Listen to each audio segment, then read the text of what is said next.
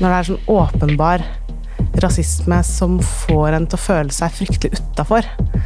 Når det er ting som Når det er apelyder og blir kalt apekatt, det er på en måte aldri greit.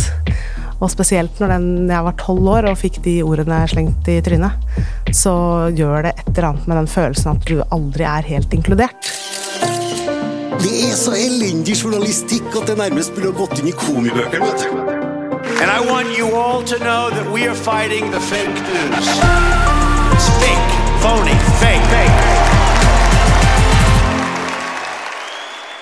Hun har vært en av de største TV 2-profilene de siste åtte årene og har frontet kanalen både i vinter-OL, sommer-OL, God morgen Norge og i nyhetssendinger. Den siste uka så har hun fått mye oppmerksomhet etter en sterk og personlig kommentar på tv2.no om sine egne erfaringer med rasisme. Velkommen til Pressepodden fra Medie24, Siri Avlesen Østli. Tusen takk. Mitt navn er Jan Magnus Weiberg Ørdal, og vi skal snakke mer om hvorfor Siri valgte å skrive innlegget, og ikke minst hvordan responsen har vært. Men aller først, her er noen ord fra våre annonsører. Pressepodden presenteres av Amedia. Vi når to av tre nordmenn hver eneste uke med vår journalistikk og våre annonser.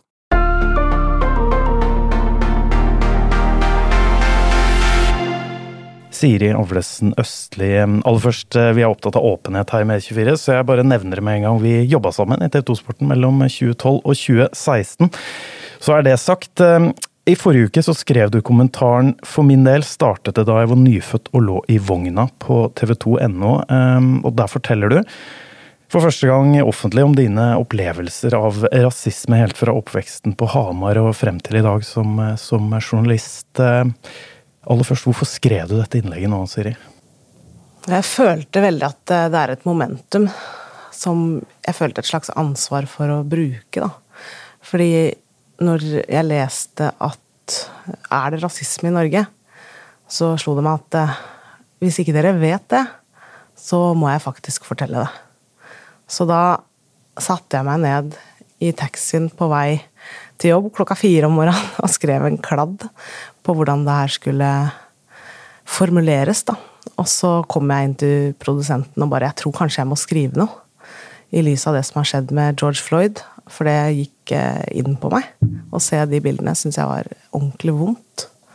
Så jeg kjente at eh, her må jeg faktisk eh, tørre å skrive og fortelle. For jeg vet at jeg har historier som ingen vet om. Og som jeg tror kanskje kan gjøre inntrykk. Men eh, så vidt jeg forstår, dette er den første lesekommentaren, eller kommentaren du har skrevet. Du har jo lang erfaring som journalist. Eh, Satt det langt inne å bestemme seg for, eh, for dette? Det satt langt inne. Jeg brukte lang tid på å bestemme om jeg skulle publisere det. Og jeg lagde mange forskjellige utkast. Og sendte Jeg håper dette er siste utkast, Sendte til redaktørene. Men jeg brukte vel en fra fredag til onsdag, fem dager, da, på å komme til beslutningen om at jeg orker å stå i det. For jeg tenkte at det kom til å bli en del eh, greier rundt det. Og jeg måtte bare stålsette meg ordentlig og vite at jeg hadde tenkt nøye gjennom hva jeg satte i gang. Fordi jeg forstår at det blir en oppmerksomhet rundt når noen du ikke tenker har blitt utsatt for noe sånt. Og jeg får ofte høre at du har jo aldri opplevd noe sånt, du som er i den rollen. Men jeg har jo også hatt en oppvekst og en barndom, og vært en av de få mørke på Hamar. Og da har det vært eh, ting som jeg bare har putta i en skuff og tenkt at eh, det her trenger jeg ikke å forholde meg til.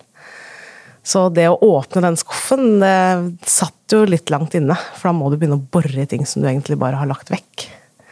Men eh, jeg landa da på at eh, nei, jeg kan ikke la det her ligge.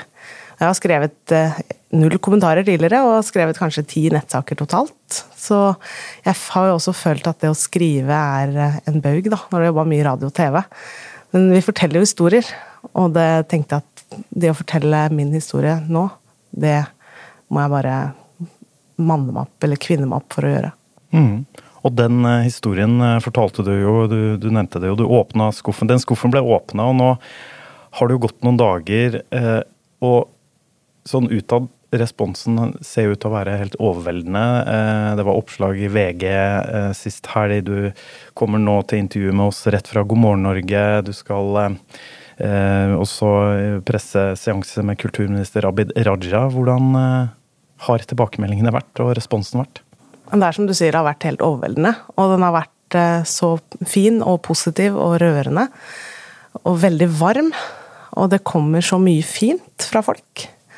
Og det betyr veldig mye for meg. Altså ikke personlig, men bare personlig, men også det at det, det faktisk kan ha gjort inntrykk som jeg håper at folk tenker seg litt om, og at vi kanskje kan være flinkere til å tørre å si fra dersom vi hører noe som ikke er greit. Da. Og da føler jeg at det, da er det verdt det. Når folk kanskje føler en slags trøst i det. Det er både adopterte innvandrere, mange som har en relasjon, f.eks. mødre til adoptivbarn, som takker. Og jeg syns det er utrolig rørende at eh, det kan bety noe. Og når de sier at jeg har adoptivbarn sjøl, og jeg har følt på veldig mye av det samme, syns det er vanskelig å snakke med dem om det. Jeg syns det er vanskelig å forstå hva de går igjennom. Men at det faktisk kan bety noe å skrive noe, at det, det er veldig fint, da. Hva er det folk eh, forteller til deg? Hvilke tilbakemeldinger får du? Det er veldig mye av eh, adopterte, spesielt kanskje, som har følt at de har gått rundt eh, og ikke hatt tillatelse til å fortelle sin historie fordi de har det så godt. Fordi vi er i Norge, og det har vi òg. Jeg er veldig takknemlig for å være i Norge, det er jo ikke det. Det er bare at jeg syns det også må være lov å si at det har vært krevende innimellom å se ut som ikke være som alle andre. For når du går inn i et rom, og alltid er den som får den oppmerksomheten pga. hvordan du ser ut, så er det, det er ikke alltid du er klar for det. Og jeg tror også da har du litt sånn litt garden oppe, og når kommentarene kommer, så er det ikke alltid så lett å lede bort. Så jeg tenker at uh, det er godt å se at uh, vi har fått løfta det på dagsorden. Og det er ikke bare meg, det er mange andre også som har turt å fortelle sine historier. Jeg syns det er veldig sterkt. Mm. Og så snakka vi litt i forkant, uh, Siri, om at det er også Du nevner nordmenn med innvandrerbakgrunn, adoptivbarn osv. som har tatt kontakt. Og så er det også en annen gruppe som har tatt kontakt, som overraska deg litt. Fortell litt om det. Ja, det, kommer, eh, det har kommet noen mailer fra Hei, jeg er hvit mann, 50 pluss, ikke sant. Nå har jeg faktisk eh, tenkt meg om. Nå har jeg lært. Jeg visste ikke hvordan det var for dere å være i andre enden av det her. Og jeg har ikke ment noe vondt med det. Får liksom en følelse at de har lyst til å rettferdiggjøre sine handlinger. Og for meg så det handler ikke om Det er ikke noe skyld, det er ikke det det handler om. Det handler mer om at man skal reflektere litt om de tingene man sier. Og da tenker jeg ikke ting som åpenbart er humor eller velmenende eller en ting for å bryte isen. Altså Hvis folk spør meg hvor jeg er fra, så tenker jeg at det er hyggelig at folk viser interesse. Der er også folk forskjellige, da. Hva de tenker om det. Men det kommer jo litt an på uh, hvordan man har hatt det opp igjennom, tenker jeg. Men for min del så er det sånn Når det er sånn åpenbar rasisme som får en til å føle seg fryktelig utafor, når det er ting som når det er apelyder og blir kalt apekatt, det er på en måte aldri greit. Og spesielt når den, jeg var tolv år og fikk de ordene slengt i trynet, så gjør det et eller annet med den følelsen at du aldri er helt inkludert. Og det er jo vanskelig.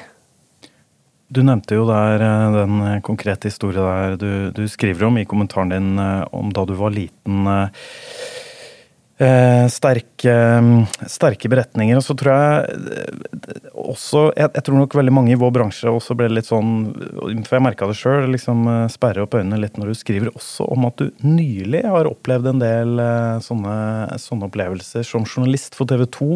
Blant annet skriver i, i Store mesterskap hvor du, du, har opplevd at utenlandske idrettsutøvere ikke vil snakke med deg pga. hudfargen din.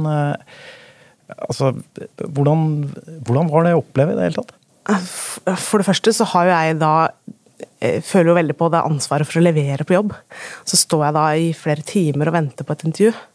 Og når jeg ikke får det, så er det første jeg tenker at nå har jeg svikta jobben min. Men så er det også det derre at jeg liksom ikke reflekterer over at det her er helt ugreit eller urettferdig. Men det er en kollega som griper inn og setter eh, folk på plass. Mm, for det, dette var i Rio-OL? Dette var i Rio-OL. Ja. Og da eh, Kollegaen min sier at det der går jo ikke an. No, det her må vi bare ordne. Han skal tilbake hit, og han skal intervjues, om han vil eller ikke. Og pressekontakten bare trekker på skuldrene. Han vil ikke. Og da eh, har han gått alle båsene hele veien. Jeg står vel i sånn bås nummer 26 eller 27. Og når du hopper over den båsen og går til nestemann og tar, fullfører den rekka, så er det på en måte umulig å misforstå. Eh, og så ser jeg merker ofte litt sånn på kroppsspråk når folk har lyst til å bare trykke meg ned. Og den vibben fikk jeg, da krympa jeg bare. Og bare tenkte at nå er det bare å forsvinne gjennom det dekket her, og så bli borte. Og så får vi bare prøve å forklare det da, overfor sjefen at det, jeg fikk faktisk ikke det intervjuet. Så det er trist, men det klarte jeg ikke. Men han kom jo tilbake og leverte et sånn passe passivt-aggressivt intervju, og så forsvant han videre. Men da fikk jeg i hvert fall følelsen av at jeg hadde noen i ryggen. Og jeg tror det er litt sånn det viktigste for meg, har vært å vite at det er noen andre som ser det. Fordi jeg er så vant til å håndtere det på egen hånd. Og da, om kanskje flere kan tørre å være den personen som strekker ut hånda og sier at du, det der er ikke greit, så kan vi komme en vei, da. Du nevnte jo eh, de kollegene som, som, kom til unnsetning der, som, som du sa. Hvor, eh, hvordan har altså, For dette er jo ikke eneste gangen du har opplevd sånn. Hvordan eh, opplever du støtten og sånn har vært fra ja, TV 2-ledelsen og, og, andre kolleger? Unison støtte, og det er utrolig bra å vite at det har det i ryggen. Og det er jo litt sånn at når du opplever de tingene her ofte, så blir du litt Du får ganske hard hud. Også for meg så er det på en måte en del av hverdagen. Det er sånn jeg lever livet mitt. Å komme meg unna og eh, smyge meg forbi de personene som jeg merker at ikke tåler og ikke orker å snakke med meg på bakgrunn av hvordan jeg ser ut. Jeg merker det fort. Og derfor så manøvrerer jeg meg greit igjennom det. Men da jeg sa fra om de opplevelsene her, så er det jo klokkeklart fra ledelsen at du må si ifra. Det her tar vi, og det her er ikke akseptert. Og i TV 2 så har du for fulle støtte. Og hva trenger du? Hvordan skal vi løse det? Så bare, det ble håndtert, og jeg håndterte det. det men det er, folk blir jo sjokkert. Også lederne mine blir sjokkert, for det er jo ikke noe du opplever hvis ikke du ser sånn ut. Så det er ikke ofte Det er en del av samfunnet som folk ikke ser. Så det var litt derfor også jeg valgte den ingressen på kommentaren, for det er litt sånn det føles. At du kan gå gjennom et helt liv, og så Til og med mora og faren min har ikke sett det. De har jo fått noen kommentarer sjøl, men omfanget har ikke de fått med seg. Fordi det her bare bærer man aleine. Ja, du er, du er, inne på noe der som jeg også tenkte skulle spørre deg om. Nettopp det som vi som er hvite nordmenn, ikke kan Altså, man, man sier jo gjerne at man Altså, vi kan ikke sette oss i det, naturlig nok. Eh, og, og, det har vært mye snakk om, jeg husker jo helt siden eh, i, i, mange år har det vært snakk om det der fokus på hverdagsrasismen, disse små kommentarene som og det har det vært mye oppmerksomhet nå. Altså Det er jo en del politikere som sier at det finnes ikke rasisme i Norge fordi det er bare ufarlige kommentarer, eller man vet ikke mer. Men du som har opplevd det, disse små kommentarene som kanskje ikke stikker Som har en rot i rasismen, men det kan fortsatt få ganske stor effekt. Det er jo nok den totalen man bærer med seg òg, da. Sant? At uh, man bygger seg opp en, en, erfaringsbank som går på at uh, jeg er annerledes, uh, jeg blir oppfattet annerledes jeg er ikke helt norsk. Så det er kanskje derfor hverdagsrasismen stikker så dypt. fordi da blir du nok en gang påminnet på at du ikke hører til. Og det er sånn Når folk sier sånn Nei, det er ikke noe farlig å si neger. Nei, for noen så er det kanskje bare en påminnelse på at du er utafor. Altså, jeg kan tulle med ting sjøl. Jeg har blitt oppvokst med at man skal på en måte ha selvironi og kunne kødde med det. Så det gjør jeg gjerne. Men det er ikke alle som syns det er ålreit å gjøre det. fordi det kommer veldig an på hvor man står i utgangspunktet. Hva man egentlig syns om å så forsvare seg for at man har en annen hudfarge. Det er jo ikke egentlig rettferdig. Og så tenker jeg at det skader det så mye å droppe det ordet, da. Hvis det er noen som blir såra av det. Altså bare være litt bevisst, ja, være litt bevisst rundt måten vi snakker til andre på. For jeg har ofte fått, eh, jeg har fått veldig mange kommentarer fra fra unge eh, ungdom som har opplevd eh, mange kommentarer på utseendet sitt. Og, og, selv om det kan være sånn hyggelige små eh, ting, egentlig, at det er sånn Å ja, du var veldig flink for, til tross for at du er. Ikke sant? At det kanskje ikke er noe vondt ment, men det er det sånn Det er som en kalddusj, da. Du blir bare påminnet at Oi, nå ble jeg veldig synlig igjen. Ja, for du, du, skriver jo det i, i, i var veldig sterkt å lese, du skriver i kommentarene ut på måte Du følte også da du var liten, men også i denne opplevelsen i Rio blant annet, at måte, hudfargen din lyste ut. Det er ganske sterkt å lese om det? Ja, det er sånn det føles litt òg. Da kan jeg gå på, på badet og se meg i speilet så bare Ja, det var sånn det var, ja.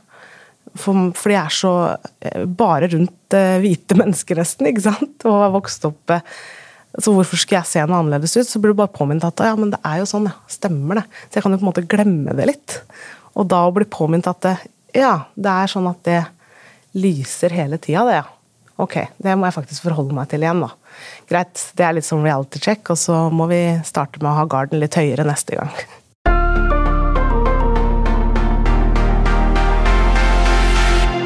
Pressepodden presenteres av Amedia. Vi når to av tre nordmenn hver eneste uke med vår journalistikk og våre annonser.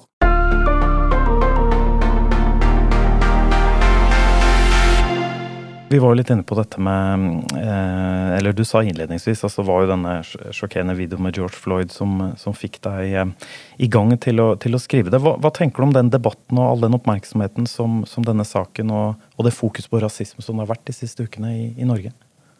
Det er jo en helt grusom video. Og det Jeg tror også i det som skjer etter koronakrisen, at det er et slags eh, vakuum der.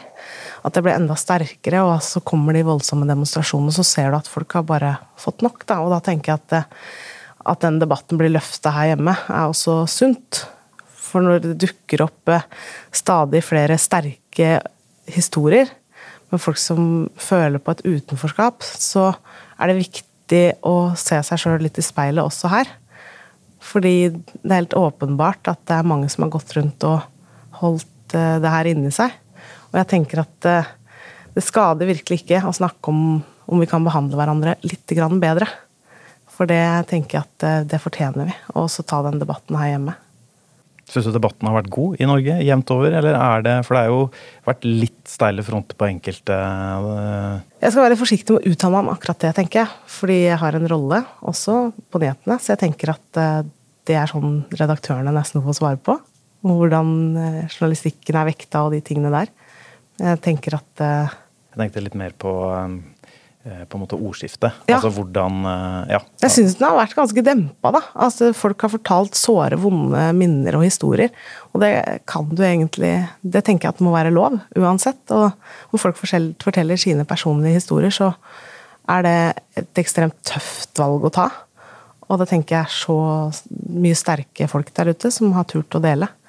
Og så genererer det enda flere som tør, og så, og så ser du at det ikke bare er en bagatell. Det er eh, sterke folk som Yngvar Andersen, ikke sant, og Gita Simonsen, som er gift med Terje Bø, som, eller sammen med Terje Bø, som også forteller om ting som har vært skikkelig vonde i barndommen. Og det, det, krever ganske mye guts. Og du ser at det er folk som står opp for seg sjøl til vanlig, som bare har gått og følt at de ikke kunne si det. Da var det på tide, tenker jeg. Bare også spørre om altså, Har du opplevd um Eh, noen eh, sånne episoder også på jobb her i Norge? Må jeg tenke meg om, altså, som, som, journalist? Jeg har jo opplevd at folk blir overraska når jeg kommer. Bare, er det sånn du ser ut? Ja, det hørtes jo ikke sånn ut på telefonen. og det er sånn jeg bare ler av, egentlig. Eh, som journalist så, så, tenker jeg ja, ja, ja, sånn ser jeg ut, så synd det, på en måte. Og da merker jeg at det er noen som har syntes at det har vært litt vanskelig. Eh, men det tenker jeg er litt sånn jeg skriver på den fordommekvota, at eh, kanskje du ikke har møtt en mørk person før, og er litt, det er litt fremmedfrykt inne i bildet. Så det er på en måte én bås som jeg kan legge det i. Og så det er litt som han som ikke ville kjøpe ski av meg for at eh, ikke de hadde ski der jeg kom fra. Jeg forstår jo argumentasjonen, men den er jo tung. altså, du måtte jo hente en annen til slutt. Og så hun som ikke ville spise brød hvis jeg hadde vært i nærheten av det det er jo veldig sårende, da. Men jeg forstår at det er en frykt. Så jeg har jo prøvd å forstå veldig mye opp igjennom hvor det kommer fra. Og prøvd å bruke det til å ikke tenke at det nødvendigvis er personlig, eller at noen vil meg vondt. Men at det er litt den oppveksten jeg har hatt òg. At du må heller bare synes at det er trist at de har så snevert syn på ting. Og bruke det til noe positivt. For det, det var jo det du nevnte der, denne episoden med vedkommende som ikke skulle kjøpe ski, men som du skriver, du det første du tenkte, var jo Ja, der jeg kom fra, det er jo på Hamar. Der Ja. er det jo i aller høyeste grad ski. Det så- har vi så absolutt. Ikke at jeg var noen god skiselger, men eh, det kunne jo ikke han vite. Jeg tenkte litt på det og spørre deg kjapt om det, Siri. fordi eh, Litt sånn fordomskvoten som du nevner der. altså Du har jo profilert TV 2 veldig, og det veit jeg også, at du er veldig vintersport. eh, eh, interessert. Du er jo fra OL-bygda, ok, byen da, eh, Hamar. Eh, vokst opp, eh, drevet med, med idrett sjøl og er veldig involvert, kan man jo si, ishockey også. Jeg husker du nevnte det også da vi, da vi var kolleger i TV 2, at du, du opplevde at folk også var litt overraska når du var ute på vintersporting. Ja, for det har vært konkrete tilbakemeldinger på det, at en svarting kan ikke ha vintersport. Det er nasjonalsporten vår, og det er faktisk helt ugreit. Det kom jo med en gang jeg fikk eh, skulle dekke OL i Sotsji. Og det var både i innboksen min og i kommentarfeltene, og det er så skamfullt igjen, da. Og det er sånne ting jeg har gleda meg veldig til, og så, som jeg er så stolt av. Og så er det noen som klarer å ødelegge det litt. Og det syns jeg er urettferdig. Fordi la meg få en sjanse. Og da blir det litt personlig igjen. Da tenker jeg at eh, vet du hva, jeg har fått den jobben for at jeg er en god journalist. Ikke for at eh, jeg ser ut på den ene eller andre måten. Det bør ikke spille noen rolle. Og så ser jeg at det kom ganske mye rundt eh, langrennsdekning spesielt, for det er nasjonalsporten. Og da er det sånn Jeg kommer aldri til å bli akseptert som helt norsk. Det er liksom det som setter seg. Men hvem er jeg da? Det trigger jo en sånn identitetskrise, ikke sant. Fordi når du er adoptert, så har du ikke noe annen kulturell tilhørighet. Så jeg har liksom ikke noe annet sted å høre til. Så jeg har ikke noen nasjonalsport på Sri Lanka jeg kan gå og dekke. Så det er jo langrenn som er min nasjonalsport òg. Så det er en slags urettferdighet som jeg, jeg syns var ganske vondt. Fordi det blir et sånn ganske stort skår i den gleden, da. Men da, skulle, da bruker jeg jo igjen det til noe positivt. Jeg brukte ekstremt mye timer på å lese meg opp. Jeg skulle være best i den sonen. Det gikk skulle en- det gikk en liten faen Ja, i det deg, gjør det. altså. Ja. Rett og slett. Og da, jeg, da dykker jeg ned, og så nøler jeg. Og så tenker jeg at nå skal jeg være, bruke all tida mi på det her, på å bli best på det. Og det har på en måte vært en styrke òg, for du kan komme ut av det og ha stått eh, rak i ryggen i den intervjusonen og intervjua folk.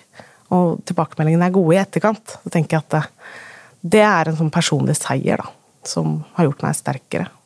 Mm. Og det unektelig har du jo bevist eh, med å få tillit eh, igjen og igjen av TV 2, eh, fordi Sotsji ble jo etterfulgt av Rio. Du har jo, du har jo fronta både TV 2-sporten og, og nyhetene også. Underholdning TV 2 eh, i, siden det bl.a. i God morgen Norge. Og jeg tenkte mm, vi skal snakke litt om det helt til slutt, men, men bare, en ting som jeg kom inn på i innlegget, så skriver du jo at eh, foreldrene startet på en måte opplæringen eh, for å forberede deg allerede da du var fire-fem år. Eh, jeg må spørre, altså Du er småbarnsmor sjøl nå, Siri. Har du tenkt at du også må på en måte forberede dine Ja. barn? Det må jeg. Når jeg merker at eh, de begynner å kanskje Nå er verden annerledes, det, det må jeg si, da. Nå er det jo en mye større diversitet i barnehagene, i skolene. Det er en mye vanligere at man har en blanding av eh, hudfarger. Og, så de har ikke de samme eh, følelsene rundt å gå inn i et rom der de ser litt annerledes ut. Det, det har de nok ikke. Og barn tenker jo ikke på hudfarge. Jeg var jo, I barnehagen så var jeg barnet med en rosa parkdressen for noen av barna, og det er jo veldig fint. Så det er der jeg tenker at foreldre har en ekstremt ansvar da, for å snakke om gode ting og lære barna sine gode verdier. Og når det gjelder jeg vil, ikke, jeg vil ikke at de skal måtte føle på at de må forsvare at de har en mørk mor. Jeg tenker at det er veldig viktig for meg, og det er litt derfor jeg har lyst til å ta den debatten her òg. Jeg tenker at hvis ikke jeg har gjort det, så kan jeg nå kan jeg i hvert fall se det i øya og si at jeg har prøvd. Og si hvordan ting er, for å gjøre en forskjell. Da vet jeg ikke hvor mye det hjelper, men jeg håper i hvert fall at folk vil lytte. Og da tenker jeg at eh, hvis det blir bare bitte litt bedre for ett barn et eller annet sted, i idretten eller hvor som helst, så er det verdt det. Og jeg tenker at jeg må jo si til de at eh, dere har kanskje ikke tenkt over det, men dere har en litt mørkere hudfarge. Så jeg tenker at den praten kommer, absolutt. For jeg vil at de skal være rusta til å ha en trygghet i den de er, og i selvbildet sitt og selvfølelsen sin. Men det er sånn som mora mi sier, at det, det gjør jo alle foreldre med sine barn. Men man har litt andre forutsetninger når man har noe så tydelig som en hudfarge som er annerledes, da. Og når det er jeg som kommer og henter det i barnehagen. Vi håper uh, det innlegget får, uh, kan også bidra til det, altså i, i, i årene som kommer. Helt til slutt, Siri, så tenkte jeg skulle spørre deg litt. Nesten alle um, pressebåndene vi har hatt de siste ukene, har på en eller annen måte handla om korona. Skal ikke bruke så mye tid på det her, men det påvirker jo litt har jeg skjønt også jobben din og hverdagen din nå. Fordi du er jo, som jeg nevnte her, vært en ganske profilert eller en stor profil for TV 2-sporten. Men for de som følger litt med på TV 2s kanaler, så har du sett at du har jobba mye med andre ting. Det siste Nå jobber du 100% nyheter. En sommer uten sport for Siri Avlesen Østli, hvordan blir det? Nei, Jeg får følge med og se på TV, tenker jeg. Nå er det bare å benke seg. Nå blir det deilig å se livesport igjen. Virkelig har vært eh, tomt, altså. Det må jeg si. Jeg har hatt eh, Jordan-dokumentaren å trøste meg med, heldigvis. Men eh, jeg tenker at eh, nå skal jeg benke meg, for nå skal jeg ha litt ferie. For nå kjenner jeg at det, har vært eh, intenst med både korona og mye jobbing med nyheten eh, gjennom den perioden. Så har jeg to små barn i tillegg, og så tenkte at jeg er litt sadist som ville legge ut den kommentaren her. For når det ble så mye i etterkant, så tenkte jeg jeg skal ikke stille opp på så mye, men så føler jeg at det er så viktig, da. Men så tenker jeg at nå skal jeg ha litt ferie, se på sport på TV og kose meg. Skal jeg bare få kobla litt av. Så jeg jobber jo heldigvis eh, ikke så mye på sommeren, somrene, så jeg får mye tid med familien på somrene nå. Fordi det er jo vinteren som er min eh, prime time, da. Vi er i hvert fall veldig glad for at du stilte opp i pressebåten, eh, Siri. Takk for at du gjorde det, og fortsatt god sommer. Veldig hyggelig å få komme. God sommer til deg òg. Og takk til deg for at du lyttet til presseboden fra Medier24. Redaksjonen den består av ansvarlig redaktør Erik Votland, Ole Alexander Søe, Ingvild Fylling og meg, Jan Magnus Weiberg Aurdal. Teknisk ansvarlig, det var Sebastian Manrikes. Vi er tilbake med en ny podkast neste uke. Vi høres igjen.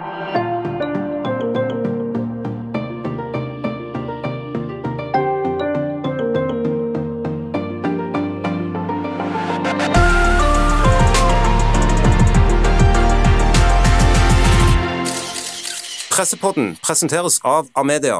Vi når to av tre nordmenn hver eneste uke med vår journalistikk og våre annonser.